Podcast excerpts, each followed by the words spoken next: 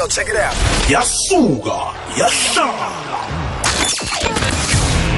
Let's get ready to rumble! Wait a minute, this is huge. He's 7.17. He's taken the lead, a world record for McClungu. The man out of Pretoria. Come on, shoot it! Okay, Guabayaka! Okay, Guabayaka! Oh! Oh, Ghana, Ghana! He's playing some really good ball. It's Shabalala.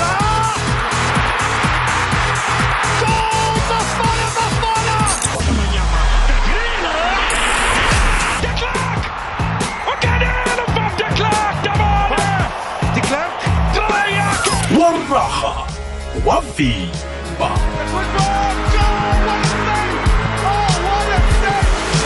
Thompson! indaba ezitshisako abadlali umbango webhigiri isunduzwano lobujamo beligi fulela wanethwa kukwekwecfm lihlelo fulela wanethwa emhathweni igwegwezi FM ngiyakwamukela mlaleli. Eh ngithi ngiyathokoza ukuthola ubeke indlebe. Nokho ngikhamngedwa ke ngikhamba nowasedladleni eh sizokuragela ihlelo bekuyokubetha lapha ihour lesithandathu sikutshejela indaba ezikhamba phambili. Zikhona ze tennis indaba eh sesazi ukuthi ku final kuyabane bandazaneni eh siyokucala ama semifinals wamadoda kusasa. uTsitsipas uyadlala eh bano Kavanov bano Kachanov eh bese siyokubona lapha ke eh no Djokovic no Paul sazi ke ukuthi yokufika bani eh kuma final ngezinye zendaba esiziphetheko la. Kanti ke siyokukhuluma nanombanduli emsizi wombanduli wesichema seProteas ama Proteas Senetball ngudumsana wakachawuke ama Proteas ayidlalile lapha ke iquad series kodwa nabaqede lapha ke emsileni. Babe ngo number 4 abakathumbi nomdlalo wodwa eh bakhe badlala nje ngokulingana neEngland. Noma kunjalo ke eh na umuntu uyibukela inetball usazi isichema sekhaya uzokuvuma nangithi nokho iimprovement ikhona ngathi kungapetshwa lapha nalapha sekulungiswe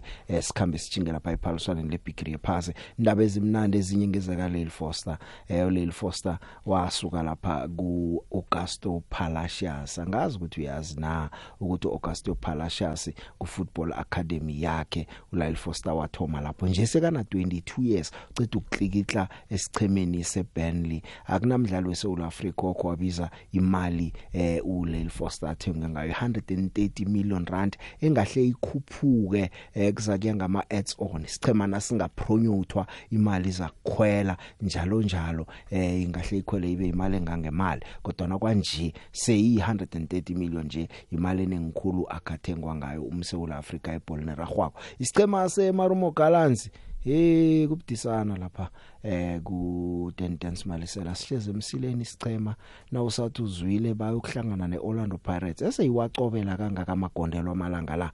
Sizakubona neze safa zemali eh sizozizwa nazo. Hlala ubeke indlebe. Lihlelo fulelo wanethwa mhajo igwegwez FM Emelo ukuya eHenrina. Lalela ngompopho ohatsha ukusukela eDouble 94.5 ikwekwecfm kukhanya ba mlaleli ikwekwecfm yenza konke okusemandleni ukukwakha nesitshaba sonke ngokukulethela amahlelo afundisako. Konke lokhu kungababulula ngombono nomfakela ovela kuwe ukuthi ikwekwecfm ingakusebenzela njani ngcono njengomlaleli wayo. Sitlolela ngeposomoya ethi info at ikwekwecfm.co.za namkha enkundleni zethu zokuthindana zomrhatsho ikwekwecfm kukhanya ba ikwekwecfm middleburg namaphethelo 91.8 fm Angithome la ngeze Australian Open indaba. Eh nangizicala konke ngithola la eh uElena eh Rabakina. Eh uyikutani yeWimbledon nje udlulele kuma final ubethe lapha ke uVictoria Azarenka eh kuma semifinals umbethe lapha ke ngo767 463 eh wadlula njalo ke eh ngwalapha ke eKazakhstan lomntazana eh kanti ke eh, siyamthokozisa udlulile. Uyokudlala lapha no Arina Sabalenka. Mhm. Yabona ngoElena eh Rabakina uyokudlala la eh no Arena Sabalenka. Bokudlala ama finals ngomgcibelo. Eh uSabalenka lo yena ke ubethe uMagdalinet ngo767162 kuma semifinals wanamhlanje bendazana ke ngomgcibelo ngakhohlwa ke ibane appointment yama final leyo eh we Australian Open. Eh kanti ke ba madodeni khona ke ikutana amahlandla alithoba waleli phaliswano Novak Djokovic.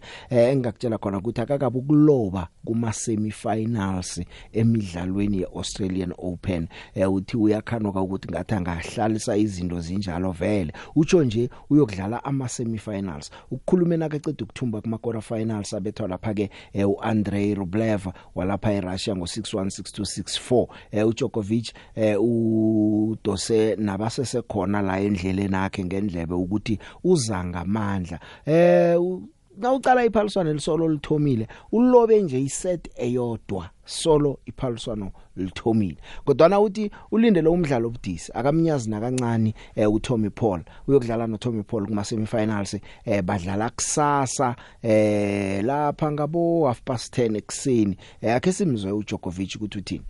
I've I've been fortunate to really uh, live through a lot of success uh, in Australian Open, um, but last two matches, uh, playing against uh, two guys that are really good players, informed players, to beat them. Uh, uh, dominantly in three sets is something that uh, is definitely uh, something that I want in this moment, something that sends a message to all my opponents remaining in the draw.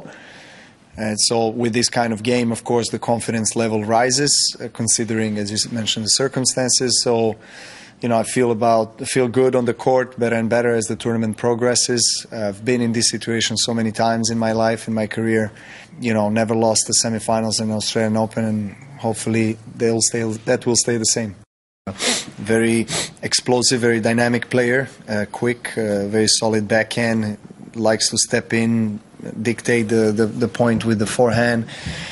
Great, great service motion. I think he can hit all the spots uh, with the serve. So very complete player. I think he's got a coach that has been around with some top players for many years. So, you know, it's uh, first semifinals for him. So of course, you know, he doesn't have much to lose. I'm sure that he's going to go out trying to, to play his best tennis.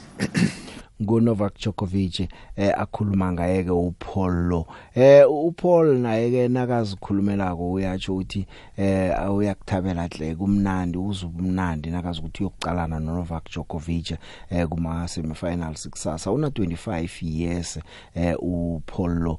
Eh kanti ke yena ke uthumbe ngo76 635764 abetha lapha ke uBen Shelton eh lapha ke kuma quarter finals wakho Thoma Tommy ukufika kuma semifinals eh we we, we Grand Slam kanti kama Grand Slam sekawalingile ama major tournaments ayilithumi nane akakabe ukufika lapha afike khona Yeah, man, I'm I'm really excited. Um, it wasn't like the the prettiest match ever today, but it was uh, how I needed to play the match. It was how the match I felt like was always going to be. He's a great server, and um, you know I had to just put in as many returns as I could.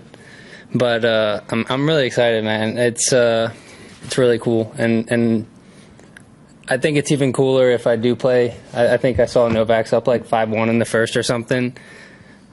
I mean, that's that's probably who I who I want to play. I mean, probably uh, have a better chance of winning if it's Rublev, but uh, to play Novak here in Australia would be awesome. Kuyeke uPaul atsho ke ukuthi eh kungaba kuhle khulu ukuzithola ke nokho adlala naye uNovak Djokovic. Vele uyokudlala naye ke ke ngiqale nanzi ke eh lezi zabentazana bekhaya. iAustralia ke ivikele unongorwana wequad series. South Africa wona iphundwe kuthatha ubujamo besithathu lapha kunemendlela yethusi.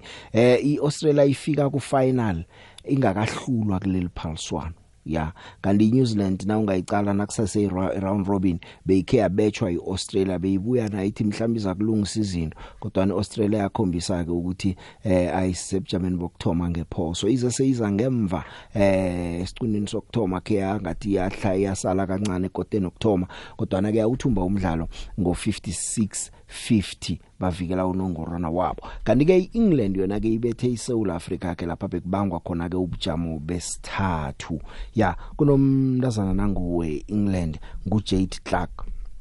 uJay Clark bese kadlala umdlalo wakhe wehlandla lamakhulu amabili adlalela isichema senaga ekhabo izolo. Nokho ke ukuthumba kwabo ke eh, ngo49 42 eh, kuthiwa ka wanokho man eh, kube yinto ehle kuye wagidinga kamnandi milestone 200 games kodwa na ubeta bobani? Beta dinakazi eh ngezisamthabela kangako. Sibejiwe ngo49 42 eh kanti ke umdlalo wona uthome kuhle ingchema zombili uzibona ukuthi eh, ziyalwa hle eh, isichema sekhaya okuyiseula Africa eh, abalandeli bebaphume ngonina eh, bazosekela babakhuthaza abantazana. Kanti ke na ucala nombanduli na ucala umdlalo eh, ekoteni yesithathu kulaphenze khona ke amajuguluko wathatha lapha ke ucaptain ubongiwe Msomi wamthatha wamsanga ku wing attack amsusa ku center wathatha lapha ke ukhanyisa eh Chawan eh wamthatha kwamsa lapha ke e center wayokudlala khona ke ya kanti ke sabona lapha kungena no Shadin van der Merwe eh ayokudlala ku wing defense. Semajuguluko khona kodwa na ngemva kwamajuguluko lawo kubonakele ukuthi kunento eh eseyijuguluka indlela abadlala ngayo abentazana ibeyihle kodwa na ke eh England kwathola ukuthi ke isicinele hle isicinele eh beyisichiyanga 2 points man. 2 points ngaleso sikhathi. Kodwa na ke kwathola ukuthi kawa akusakhoneki ke eh basibetha njalo ke basichiye ngamaphuzu amangaki njalo ikhomba. Ya kwaba ngikho ke eh, ukusihlula kwabo ke eh bandazana bekhaya na ungathi uyaqala enye into nje na umuntu uyaziko netball ama turnovers ah ama turnovers asibulele hle eh ibhola bebayithola ngama turnovers le wethu la lapha ku shooting cycle njalo njalo. Basibetha ke ngaleyo ndlela. Imizuzu imachuma amabili eh ngemva kwehour lesihlanu ukuzwa kabanzi ngazo lezi. Nangibuya kungibuya nomsizo wombanduli kulesi sichema uDumisani Chauke ke sikhulume ngayo iquad series le. Kucalo iphaliswano lebigiri yephasi elizala eSouth Africa ngoJuly dlala dlala picture asidlali la ezemidlalo kufuneka walethwa.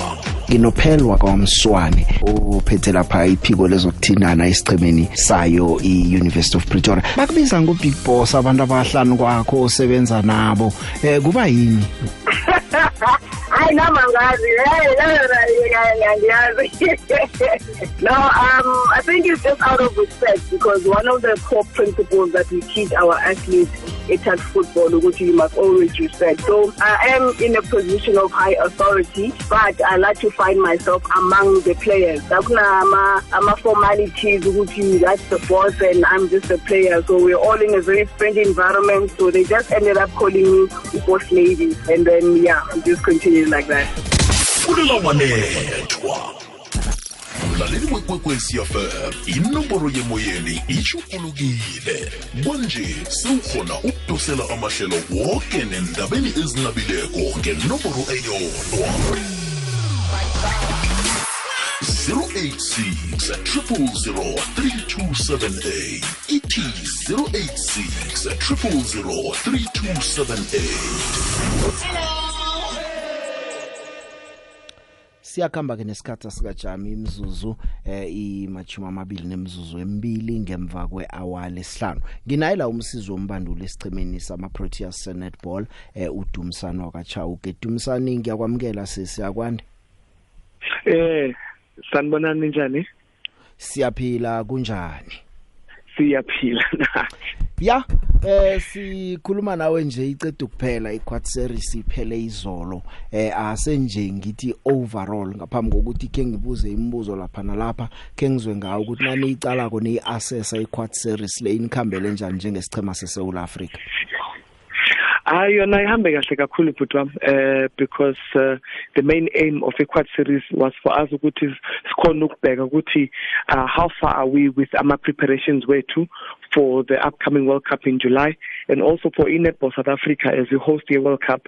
Akhona ukubona ukuthi how far are they uh, are they on track with the World Cup uh, standards? Are they you know progress? Yabo in terms of being uh, ready for for that World Cup mayifika ngo July. So I think uh, in our case as a team uh, we're able ukuthi sikhona ukubona ukuthi which are the areas lekumele sibuyele emuva ku drawing board siyosebenza kuzo make sure that come July 2023 sesi ready for the World Cup. Nikwazile ukuidentify ama areas lawo. Yebo but sikwazile uku-identifya uh, one, one, one area lengakhuluma ngayo is about i-consistency you know because abadlali bethu bayakwazi ukungena egrawundini badlale but sometimes ingathi the lack of or i-drop in focus drop in concentration and then that's where you know the mistakes come in and then the lack of consistency in terms of keeping that standard of netball high then creeps in. So being consistent in doing the job and making sure that we stick to our game plan is very important. Ya akhe siqale nje umdlalo wayizolo. Nangicala umdlalo wayizolo eh ngibone ama turnovers amaningi eh ya nga kuma shooting cycle into ezinjengalezo. Kanti lokho ke ngikho bekwenza ukuthi England igcine iphusha lapha ke iconvert yona. Eh into ezinjengalezo nezitshejile na? Yes, yes, yes, Jonga Puti, because uh, that's why I talk about consistency and concentration, you know, because uh, the last time when we played England, Sadrawa 46 all, and we're able to to just come back uh, after we were leading that game. And then satrapa ku-focus ku-concentration senza ama-silly mistakes in terms of conceding turnovers. Bona they took those turnovers and they, uh, they capitalized on them. And then we're able to pull ourselves back sikwazi ukuchase and then draw that game. So those are some of the areas that we want to to focus on as well. Ukuthi simake sure ukuthi we don't concede as many turnovers but we force the opposition to make a lot of turnovers so that nathi sikhona ukupitalize on those turnovers when they make them.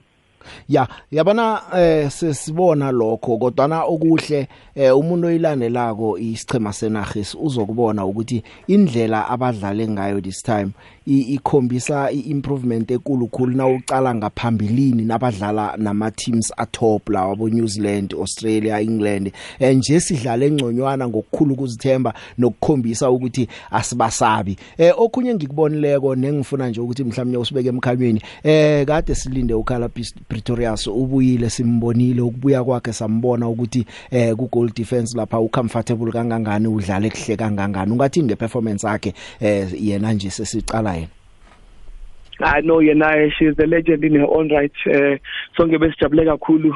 Uh because she was also involved with training camps ethu last year but i-fitness yakhe no ibengekho sure. Naye bengekho sure ukuthi uzoba ready na for i-quad series. But uh, sijabule kakhulu xa sisimtestile kuma-training sessions sabona ukuthi no uready. And as you saw in that performance against England when we drew 46 all I mean she was in that circle by herself. Umpire sent uphumza maweni off uh, mm, suspended her. mm. ukarla pretorius was there in that circle eyedwa against two shooters and she still turned the ball against two shooters. So just that just goes to show the caliber of player that she is, the quality of player that she is, the standard and the high work rate that she brings when she gets onto the court. So she's a high quality player. We are very happy that she's back. Yeah, ipartnership yakhe nophumuza maweni beyihle khulu lapha emvana badefendako. Eh okhunye ke kodwa esikubonileko eh ipartnership ipairing yaka Nicole Taljat bano Inemari eh lapha ku shooting circle. Nicale njani bancane bendazana bakodwa babonakala basebenza kuhle. I know what we always do is have confidence kuma players ethu onke. Uh, so that onke abe nala confidence ukuthi no ucoach uyangithemba. And ucoach mase kuthemba uyakhona ukuthi mawungena egroundini and just do um as instructed and do what you do at training because you know that's what you bring to the game. We have lots of options you know um in the team whether it's shooting it's center court or defense but abadlali bethu uh bane confidence yokuthi once they're selected to be in that starting lineup or to be on the court to perform um optimally and make sure that they give their best to the team. Yeah last time nangikhuluma nomongameli we Netball South Africa eh, uma uSicilia eh, waveza ukuthi into ayithanda ngombanduli unoma Plama ukuthi akanandaba negama lakho uya nokuthi udlala njani performance ngiyo echoko ukuthi ungubani. Eh sikubonile lokho ngibone lana owethu ngubani eh, athola i first cap yakhe kuma Proteas wabona ukuthi uyabathemba. Into engisayikhulumako no Nicole Taljat lo eh bano Fenter bancane bancane basesebatsha kodwa na ubathembile wabanikela kuphela ithuba lokuthi basebenze. Okuyinto engayisebenzela ama Proteas ukuya phambili. Ah no no no yona iyasebenza especially like I said ma, ma umthemba umdlali naye uyabona ukuthi ucoach uyangithemba. Yes usemi I think Semi is what 19 20 years old. Uh, she's definitely a player for the future. On Nicole uh, Inamari they are still in their early 20s so those are players for the future that we are giving opportunities manje on an international level. Siba teste simane siba sibangenise grounding so that they can feel and start getting comfortable under pressure. So by the time they get uh, ukuthi nabo babe full full on uh, part of the team starting seven. They are comfortable with the pressure and they know how to perform. Ya eh Dumsani i netball i World Cup iyeza ngoJuly eh indawo ekumele improve kizo nizibonile. Iintensity yomdlalo ibonakele is very high. Abadlali kumele bahlale ba sharp ba ready kodwa ngiyazi kunabo Telkom Netball League abo Netball Super League Suncorp Super Netball. Engicabanga ukuthi ma zizinto ezizakusiza ma maphaliswano nama league azokusiza ukuthi eh, nilungisa lungise lapha nalapha ngaphambi kwalo iphaliswano. Eh yona iTelkom Netball League izosiza kakhulu bhuti wami as much as uh, ama Super League uh, with the Super League le ise England uh, Super League le ise ise Australia as well because those are high intensity games where abadlali bethu are constantly playing day in day out against some of the best players in the world. Uh, but coming back to our own league like South Africa TNL uh, we do know ukuthi maybe i standard is not the same but we do trust that the uh, the, the local players are going to get the much needed game time that they they need to prepare for the World Cup. Dumsani eh sengiphuma kuwe eh sithokoze khulu. As much as ningakadlali umdlalo niphume ne draw kanye ningakawini umdlalo eh umuntu olubukele koyiphaliswano ngiyacabanga ukuthi uproud. Siyazikhakhazisa ngane nisekelo lethu nizolithola all out bekuyokuphela iphaliswano lebigiri yephasi sithokozile lungisani lapha nilungisa khona I know siyabonga. Thank you so much. Ngiyathokoza. Akake mlaleli ngudumisani Chauke eh, ngummalo eh umsizi wombanduli lapha esichimeni sama Proteas netball eh usizana lapha ke noNoma eh Palma eh uziphisikadi netball yeza eh, izothi nayidlala kona sikhulumako urareke ukuthi sikhuluma ngani ubhalwe nakuthumela umbono ngoba wazi ukuthi sabe sikhuluma ngani. Ziphi isikhathi namhlanje uyicala cala inetball le eh, uresearch bowucala cala nabetazana aba bowubona ukuthi sidlala kanjani ubukele ukwenzela ukuthi nasivula sikhuluma ngenetball naseyidlala iWorld Cup na ukwazi ukungena ubeke wakho umbono. Fulela wanethwa kinaye la uandile wakwadlamini usomapala wesichema sebanyana banyana iSouth Africa kuningi engibhalanse ngakho. Nginebusiness lokwasha amateki ngikundinele eh so ngingu-business woman. Mm. and um ngi-KFC license coach um ngi-musician. So yeah akho siculele bantu shayela nje amabhasi nyana mbalwa uvuma uthini? Andile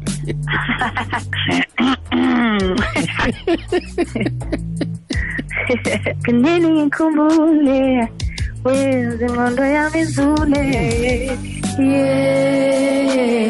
Ah. sobuya ngini ngibone. Kuma idols uyamthola usha dlala dlala big joe asidlali la ezemidlalo kufunela wanethwa alright ukuhlanganiswa kwenqhema indaba ezitshisako abadlali umbango webhigiri isunduzwano lobujamo beligi fulela wanethwa kukwekwecfm lotshani big john njani ekwekwezi nobiziwe. Eh uleonard sihlawa lo bingelelako emostorlo sikadlawulali. Eh big joe eh isichema sa netball siyasithokozisa ngama-preparation wabo. Siyabathokozisa sithi sibabhekile sizobasekela sizoba ngemva kwabo eh kumdlalo wabo we-world cup. So sithi mabachubeke mabachubeke bazimisele kanjalo. Siyabasekela. And then futhi picture mina ngikho zelikhulu picture eh bengifuna ukuthi mane thina sihlukane ne-sundowns mane. I-sundowns ithenga equality that is why at the end i-deliver. So bayideserve i-sundowns iyayideserve ukuthi iyithathe iligi kaningeni isazoyithatha kaningi isazodominata picture ngoba thenga equality ma uthenga equality ma une-quality equality izodeliver picture so ma ngithokoze kakhulu picture masiyiyekeleni i-sundowns isikhathi sayo. Amen. Eh sanibona Big Joe lapha e-studio Thulana okwashaba ngumlandeli we-Sundown. Cha usukwini namhlanje ngithanda nje ukunibonga Big Joe. Wena nethimba lakho ngendlela enesithulela ngakhona ezemidlalo. Eh uhlelo lakho nje liyasikhulisa kakhulu Big Joe liyasikhulisa kakhulu kwezemidlalo kungekona nje isoccer kuphela eh ko cricket ko tennis kusona sonke nje isport siyakhula nanokuthi nje mangilalele ngilalela nabanye abalaleli bephawula eh ngiyakhula kakhulu kwezemidlalo Big Joe. Yabona nje sengiqeda nokwazi ukuthi uJekovic akakaza luze kusemifinal kuAustralian Open. Ulwazi olunye lolo nje engilithola ebengingalazi Big Joe. Eh siyabonga kakhulu. Ungazathi uNkulunkulu nje anganenza kahle Big Joe. Wena nje nethimba lakho niqhubeke nje nisiphe ezemidlalo ngendlela enisipha ngakhona. Cha uhlelo lakho ngiyalijabulela kakhulu Big Joe. Ngiyalijabulela kakhulu.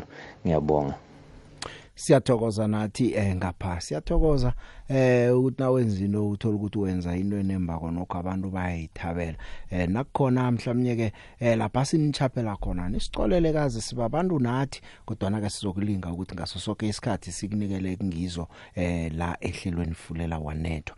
uAugusto Palacios eh uthi uLyle Foster akabe mzenda omuhle weSouth Africa lapha kuBurnley eh umzenda iambassador. Eh njengoba ke eh uyambona nje ukuthi uthole ideal yemali engangemali uya esichemeni seBurnley lesibandulwa nguVincent Company eh uAugusto Palacios icoach yakhe kuma juniors umtshele ukuthi akajamele iSouth Africa kuhle lapha ke lamangisi. Palacios wathoma naye amncane uLyle Foster for 4 years alapha kuAugusto Palacios Football Academy. Ukusuka lapho ke waya lapha kuOrlando Pirates Academy ngo2015 naku Orlando Pirates basebenza bonke kuma youth structures wesichema seOrlando Pirates. Izolo ke cedile ngemovie yakhe yalapha ke kuBurnley eh, usethubene elihle nelikhulu lokuthi angadlala kuEnglish Premier League Premiership eh, isizini ezako ngoba isicheme sisebujameni bokthoma elogweni. Eh usuka lapha ke eBelgium isichemeni seWestelo eh lapha ke kuzwakala ukuthi imali athengwe ngayo i130 million rand emenza the most expensive South African player ever. Idile ke batsho izokhuphuka inama add-ons nabangathola ipromotion yokuya lapha ku 186 million rand ma add-ons nje ukuthi okay. Ya nathola lokhu kusho ukuthi sewula seliplayer liyokudlala eh, ku premiership eh, sifuna imali engaka. So uyabona ukuthi imali engakana uPalashas uyazikhakhazisa ichegwana labantu lithi maye ngikhulume naye musikaphambi kokuthi ayokwenza ama medicals bekathabe komhlolo uthi ngimtshela ukuthi asijamele kuhle simasewula Africa eh uyatsho uthi naye uthabile ukubona umuntu amsizako empilweni sekaphumelela ngalindlela. Uthi ke lo msana eh msana onesibindi lo unehliziyo hleyo kubekezela begodi ikhono lakhe alizazwa umuntu uthi ngineqiniso lokuthi amagondelo uyobabethela lapha. Kutsho uPalashas Palashas thokoze nababelethi bomsana. Uthi hey abebelethi basiza. Na umbelethi ke uqale ulaleleke. Eh batsho ke bebahlala eFlorida ngakubo Westland apha bebachayela cobelanga bamse ku training babuye bazomthatha. Ene ku trainwa kuphi? eMayfair. Lokhu kuyakhombisa ukuthi umbelethi nakamsekelako umntwana wakhe ngelinye ilanga eh, umntwana uyaphumelela. Ya uthi ababelethi bakhe bajamisa zabo impilo ukuthi bakwazi ukutsheja umntwana lo aphumelele. Eh uzokukhumbula komunye umraro ovana ukuba khona indaba ukuthi hey iwork permit. uPestaus yamkhumbula wahlakahle eh naka yokusayina lapha ke ku Brighton and Hove Albion ngo 2018 uFoster ke hawa yena ke kubalula kakhulu ke nework permit batsho sekayitholile ukuthi angayokudlala. Enye into ehelebhileko eh iUK imthethwayo yayinyefisa nyefisa ngemva kokuthi baphumile ngaphakathi kweEuropean Union. Baphuma ngaphakathi kweEuropean Union banyefisa imithetho yabo yokuthola ama work permit. Kube lula kakhulu kuLyle Foster. Eh uLyle Foster wazithola iwork permit. Isiyamthokozisa hle eh nangikutshela ngokuthi uyadura ke cala mse uFoster ngikhulume nge130 million engahliye ku186 million rand. uBen Makhandi Makhathi nakasuka kuAjax Amsterdam aya kuCelta Vigo ngo1999 bamthenga nge111 million rand. uSteven Pienaar nakasuka eh, kuTottenham Hotspur abuyela lapha kuEverton ngo2016 bamthenga nge107 million rand. uTukelo Ranti eh, nakasuka esicemeni seMalmo achinga kuBournemouth ngo2013 bamthenga nge75 million rand. uTau nakasuka kuSundowns aya kuBrighton ngo2018 kwaba yi50 million rand. Zindaba ezimnandi lezi na umSouth Africa ezakhe uLyle Foster. Golden Arrows ke ibethe iMarumo Gallants izolo ebusuku ke eh, ngo 2 not imidlalo kobe namagondelo umdlalo umdlalo ngamagondelo bolapha ePrincess Makoko Stadium. Eh beze ngemva eh seyitosa phambili iMarumo Gallants laba eh bayo iGolden Arrows.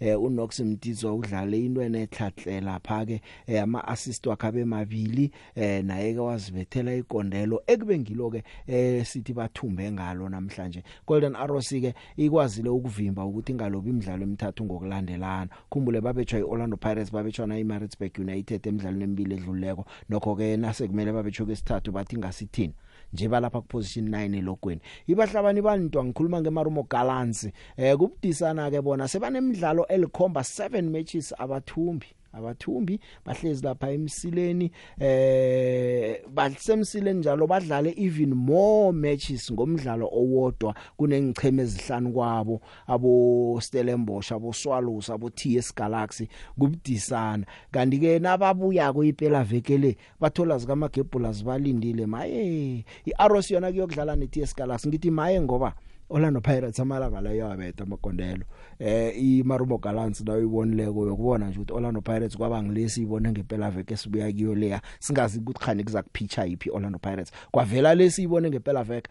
amagondelo iMarumo Gallants izozithola isemrarweni. Imizuzu machuma amabili eh ngemva kokwakho ke machuma amabili ngaphambi kwehour lesithandathu hlelo fulela wa network. Ngiyokuthengisa ngiyabuya ke ngizoyakho umbono. Alright. Ukuhlanganiswa kwenqhema. Indaba ezichisako. Abadlali, umbango webhigiri, isunduzwano lobujamo beligi. Fulela wanethwa kwekwezi FM.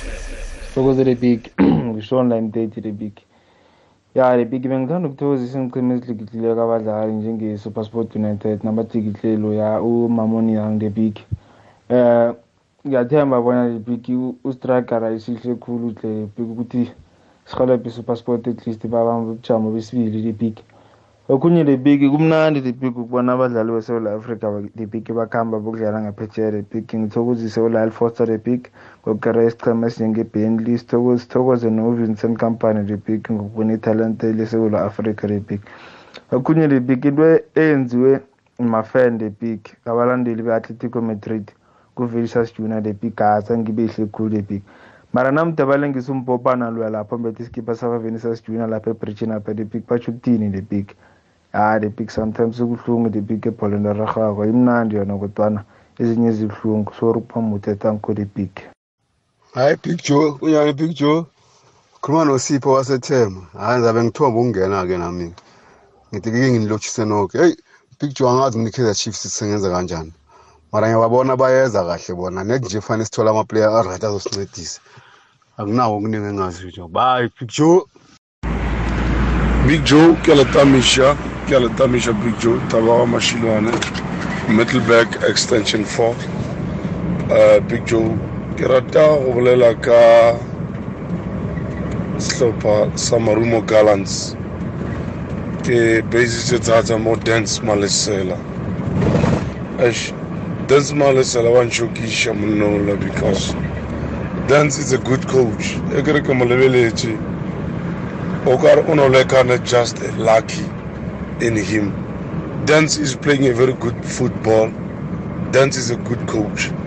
I remember Kiburechi uh, live Kiburechi Dance Malesela sa coach at TS Galaxy uh, Kopuma Rugby Stadium. Abeta uh, Wheatbank Space 4-0. Ke ka mokgwa o Dance Malesela be ke lebeletse gore go sa dlala bo sizwe mdlinzo go sa dlala bo nation ndlovu in the middle of the park goalkeeper be le mpaku mpaku by those years it was yeah, 2019 so i saw a potential in that man. Be ke lebeletse gore dance by two, 2020 or 2022 is our next pitso mosimane so i feel sorry for that man. Mone wa loser. I don't understand gore ka tsela e jwang. Chipa o zamile everywhere o zamile mara mone wa loser. Ya ngwariša taba dance. Tabo mashilane middleburg extension 4 ke a leboga a ko go dumediše dipiki o dumiša ke la ke mokalapa mo sephako um tsema spa potra se se fapale gabotse um ba jele ke di-mistake tša bona. A o ka lebelela first game ya bona le new zealand um a sange ba bapala gabotse especially captain a bona bongi msomi o be le di-mistake tše ntši. Um a tla boa a rectify di-mistake tša ga ba bapala le england a ba kry player of the match. So ba tkemišeditše dipiki gore ba ye world cupong. Coach nomaplama dipiki a o ka lebelela. Um a sa nka nyako gore bapala ka sekeme se se one tournament tšhintšha tšhintšhitše di-player a nyako bona gore ke ba bafeng a tlo emang ka bona kwa world cupong. So ke a tshepa gore ba bone dipiki. And then ke rato lebogiša um player of the tournament ba grace wa new zealand dipiki. O bapala ga botse ngwanyanola ke goal scorer ya bona. Thank you dipiki. Um big joe. Ke rata go lebogiša um ken flosler ga kgonne go kry-a kontraka ko england ko benley but uh, my advice to him ke gore he must take good, good care of himself. A itlhokomele. A itshware gabotse because ka site ela a go swane le mobale ka gona. Go nna ka maitshwaro a ma very seriously. Ntho e nkgatlhang ka ena ke gore ag sa mo dumela. And then uh, ke nagana gore one of the good days re tlo mmona a dlala against um bo manchester city le bo manchester united ga mmago le bo arsenal. Ge team ya gage ka promotiwa so good luck boy. Take care of yourself. Ke big boy mahlakola ka ga tloporo ke a leboga siyaleboga nathi-ke big boy asithembe ukuthi uzakwenza umsebenzi omuhle sihle silila mana sinabantu ekhaya apha abadlala emaligi naphezulu. Nangolitholi lithuba kalibambe ngezandla zombili eh, nakasebenze kuhle eh, nangelilana kuthiwa kunomdlalo eSouth Africa nabanye baza kukholwa ukuthi vele eSouth Africa ibhola iyadlalwa nje muthi abakholwa ukuthi ibhola ikhona la. Kanike zesafa zona zithi eh, isafa igijimisana nesikhathi balinga ukwenza lapha ke isafa technical center kade ikhulunyiswa eh, na ungakhumbula ngo 2015 isafa yathenga iFun Valley Resort.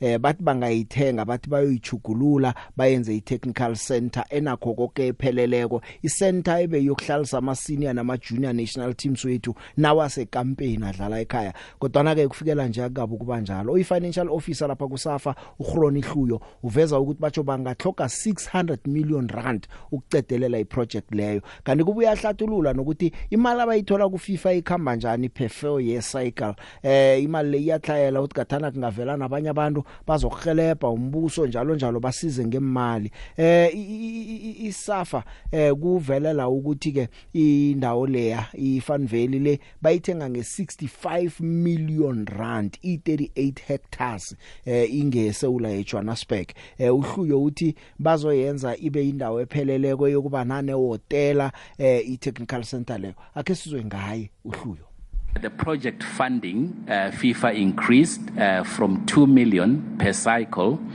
uh, 2 million US dollars per cycle, which is per four years, to 3 million uh, per four years. So, in uh, rand terms, um, uh, 2 million uh, is 34 million rands uh, per year, uh, per, per cycle, per four years, which we used to get. Now we are going to be getting 51 million uh, over a four year cycle. With the project funding, uh, what we plan to do is to use this money to develop uh, the Fun Valley uh, project. For us to complete the full project, uh, when we did our estimate about five years ago, we needed 600 million rands. So that's, that's quite a lot of money. And, um, you know, to be frank, we don't have 600 million lying around but uh, we are going to try and get funders uh, so that we can complete uh, the, the project. But we have done quite a lot uh, at Fun Valley. Uh, for those who have had the opportunity to get there, you would see that uh, there's been a lot of improvements there. what we've done so far is one, we've upgraded the rooms so that our teams can stay there comfortably. At least the center is now usable. You know, the teams can stay there and they can also play there. But I must say that there is still a lot to be done, and, and funding is the constraint. So we're trying to get as much uh, financial support as we can. As I say, FIFA is giving us money uh, for projects, and we are going to use that. We are also uh, up, uh, uh, approaching some corporates who can assist us with that project, and government, uh, which should also be able to assist us here. Phakathi ko-90.6 no-107.7 fm uthola umrhatsho okukhanyisela ngamalanga. Ikwekwezi fm kukhanya ba dlala dlala joe asidlali la. Ezemidlalo kufunela wanethwa. Hey big joe evatarfal khuluma nohleziphi mahlangu ikhosi lady um ngimthokoza umswa onaye ngapho big joe sicocela kamnandi ngekhrikethi and then ngithi nami ngikhe ngivuma ukuthi ngingomunye osekela u- uthemba bavuma 100 percent unhlakanipho lo wakho malo ngabona picture uthemba bavuma ngiyamvuma yebo but kumele si-accept ukuthi uphansi manje mhlawumbe nendaba lokuthi yena azange athengwe ngiyacabanga ukuthi naye muntu mhlawumbe lapha nalapha yamthinda ukuze ukuthi i- i-performance yakhe yehle inkinga yethu uma singabantu we believe ukuthi ucaptain kumele ahlezi ekhona egrawundini no. Nangu ukhuneze captain ye-chiefs but uyahlala engadlali. Uhappy jelos captain ku-pirates but bekahlala engadlali. Like abagqugquzele noma engekho yena kule starting lineup sakhona but abe khona. That's what was saying. Funela wanethwa mkhanyo kwaphela osusa ubumnyama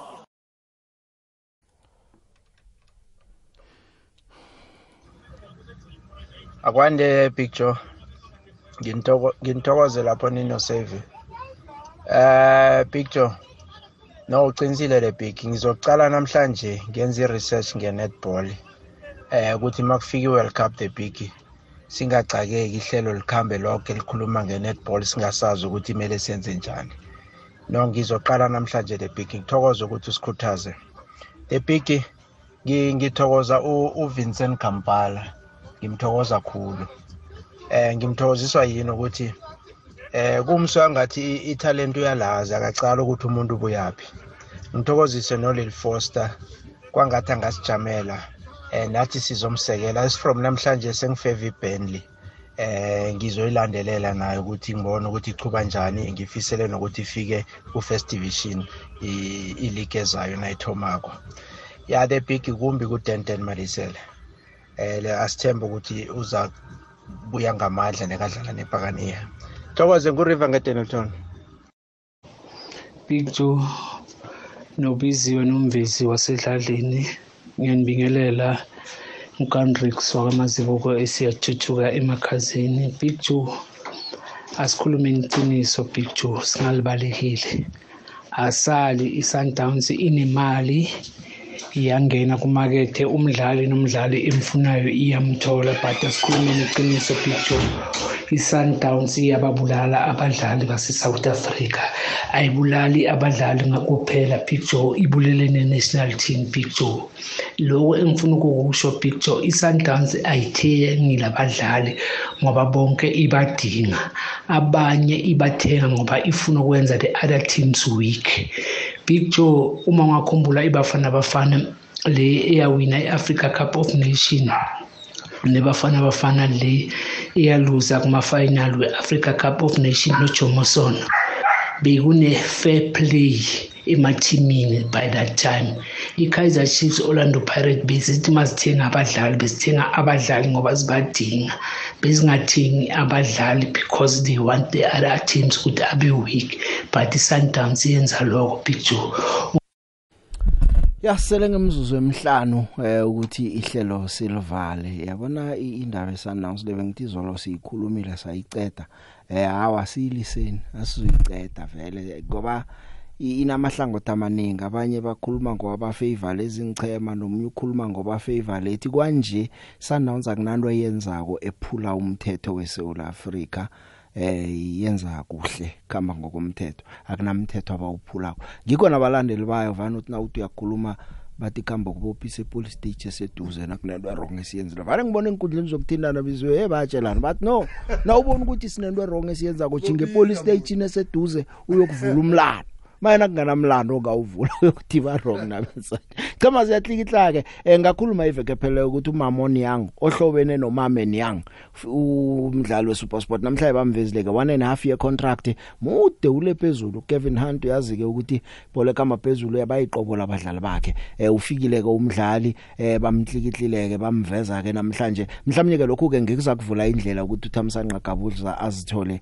aye ku Stelis ngoba eh, bekukhulunyiswa ukuthi kwaqedwa indaba ka Moman Young le uza kuchinga ku Stelis silindile nayo leyo. Amazulu nawo ke eh, ane project 2032 eh, ngo 2032 bazabe bagidinga i100 years isichema sikhona batsho eh bafaka babandulika abo Andile Cele uRnelo Lutsolonyane eh, abo Breeze Peterson eh, abo Mbulelo Bizela. Indaba esakhe sayiphatha le namhlanje babavezile ngokusemthethweni ke eh, ukuthi vele siyabafaka. Nomdlali weKaizer Chiefs uChristian Saile Sompasomboli ufikile nayo yokumbatha ujezi number 21 esichemeni seKaizer Chiefs. Ngezinye zendaba ezikama phambili ingchema sezihlikihla kangaka nje eh, kulungiselwa imidlalo iyeza phela ngempela veke izabe isukile godu. Eh uma Moniang ya batsho ngazi ngwakwabo namtjana njani. Umame Niang na umkhumbula ukuthi wayemude kangangani. Lo ngumamoni Young fikile ke umswa kweSenegal ufike la eSouth Africa khuluma nami ke ngitope babili bathathu la bantu babhodle. Usemoyeni yeche kunjani ngikhona mina unjani wena? Nangohada ngiyama stripsite sure. Eh the big nje indaba yesafa ngiyayithokozela kuyatsho ukuthi nokwamzulu biso nakayilangeni nge-development but i still feel ukuthi bathuma ekugcineni kunekuthumeni. Yabo ya nongathandi bathuma ngokufocusa kuma-development structures then bagcine ngamango kulungisa ikampa mara-ke at least ikhona into benzako singalili kuyazi and uh, noleli foster naye no? Enze kuhle la yakhona. Mara ngiyamthemba ngoba yena u-physical and na- nanoma uyazispeak no yena uyasunduza na umuntu bombukela? Eh ya uyasunduza hle sithemba ukuthi kuya- kuyamfaneleka man a- a- abangizazi mina ukuthi uzokwenza kuhle. Ya no mina ngiyamthemba didik ngiyamthemba. Ngithokozile khatasi. Usemoyeni picture akwande akwande. Eh akwande picture ekade kugcinile futhi. Eh ubungano kwamina la eKZN umlandeli weSundowns mhm. Ya eh picture ngokusheshsha nje ngoba angibengalaleli izolo. Eh picture mina ngifuna ukuphawula nge- ngendaba yeSundowns ngi ngithandile into yenze uDaniel Mdawu mayiphendula ulo Jabupule. Ngoba mabethi iSundowns ibulala ibhola iSundowns ithenga abadlali beSuperSport iningi labo nje ithenga abadlali beSuperSport. Ayibathengi lawa abaningi bala amanye amaqembu awu-14 umbuzo uthi eh kusho ukuthi ibhola lisepitoli ngoba iSundowns from kudala ibithe ngabadlali beSuperSport o-Anthony Lafo oPelembo oMameniang oJeremy Brook. Ayibathengi abadlali balamaqembu awu-14 amanye. Laba abanye abathengi ngani? Kumanje bahlulwa u u- ulo ulo mfana weGolden Arrows lo lo lo abahlulwa ukumthenga. Ayisundowns ayibabangisi kodwa bese bethi Sundowns ibulala abadlali. Cha iSundowns iyadlala. Noma ikudlile ikudla idlala ibhola not ukuthi ibulala abadlali. Ngiyabonga we Big Joe. Okay mina ngithokozile. Us- usemoyeni uyangivalela yeche Yebo Pito akwande. Eh umakhosi kenyandelo wanongo ngiyakuzwa yebo Tepe sure eh David eh cha mina nginombuzo nje ngicela ukuthi uBig Joe angiphendule wona mhlawumbe mawukuthi akakhona ukuphendula ngifuna ukwazi la ke ngoma nje lokhu siyaphikisana lapha i- ngendaba yomdlali if umdlali efalwe 6 months eklabini kwi-contract yakhe eh umbuzo uthi uma sengasafuni ukusayina kuleyo club leyo esesayina i-pre-contract nenye iclub. Ngabe iclub i-agent yakhe mayisayina i-contract iclub iya-informa neclub ukuthi lo mdlali sengumsayinise lapha kuleya club noma mhlawumbe kuba inkulumo yakubona boba- bobabili naleyo club leyo nomdlali iclub kodwa liyadlala kuyasengo six months. Ya is- isikhathi nge- ngebanga lesikhathi asibambe nethi la ngizama ukukuphendula. Eh iagent neteam nakusele 6 months iagent iyaye eteamini yomdlalo loyo kuyokukhulunyiswana ukuthi sekusele 6 months niyas offer extension namtjana njani na. Nangabe bayabhalelwa kuthola iextension kulapha iagent ikhona ukuyomfunela esinye isichema ngaphandle. And ngiyacabanga ukuthi nase isitholile mudi yabuye batshele ngoba ingchema zonke ziyazi abadlali bazo nabathlikitla ama pre contract okay. Ngithokozile. Silivala njalo ihlelo mlaleli ngithokozile eh isikhathi siyagijima. Sibusiso. Kunjani jo ngikhona sibu wena unjani? Ngivukile. Mm so ukuhamba njalo? Ufuna ngidije nawe sihatshahatshe sobabili? Awa bese ngibuzwa.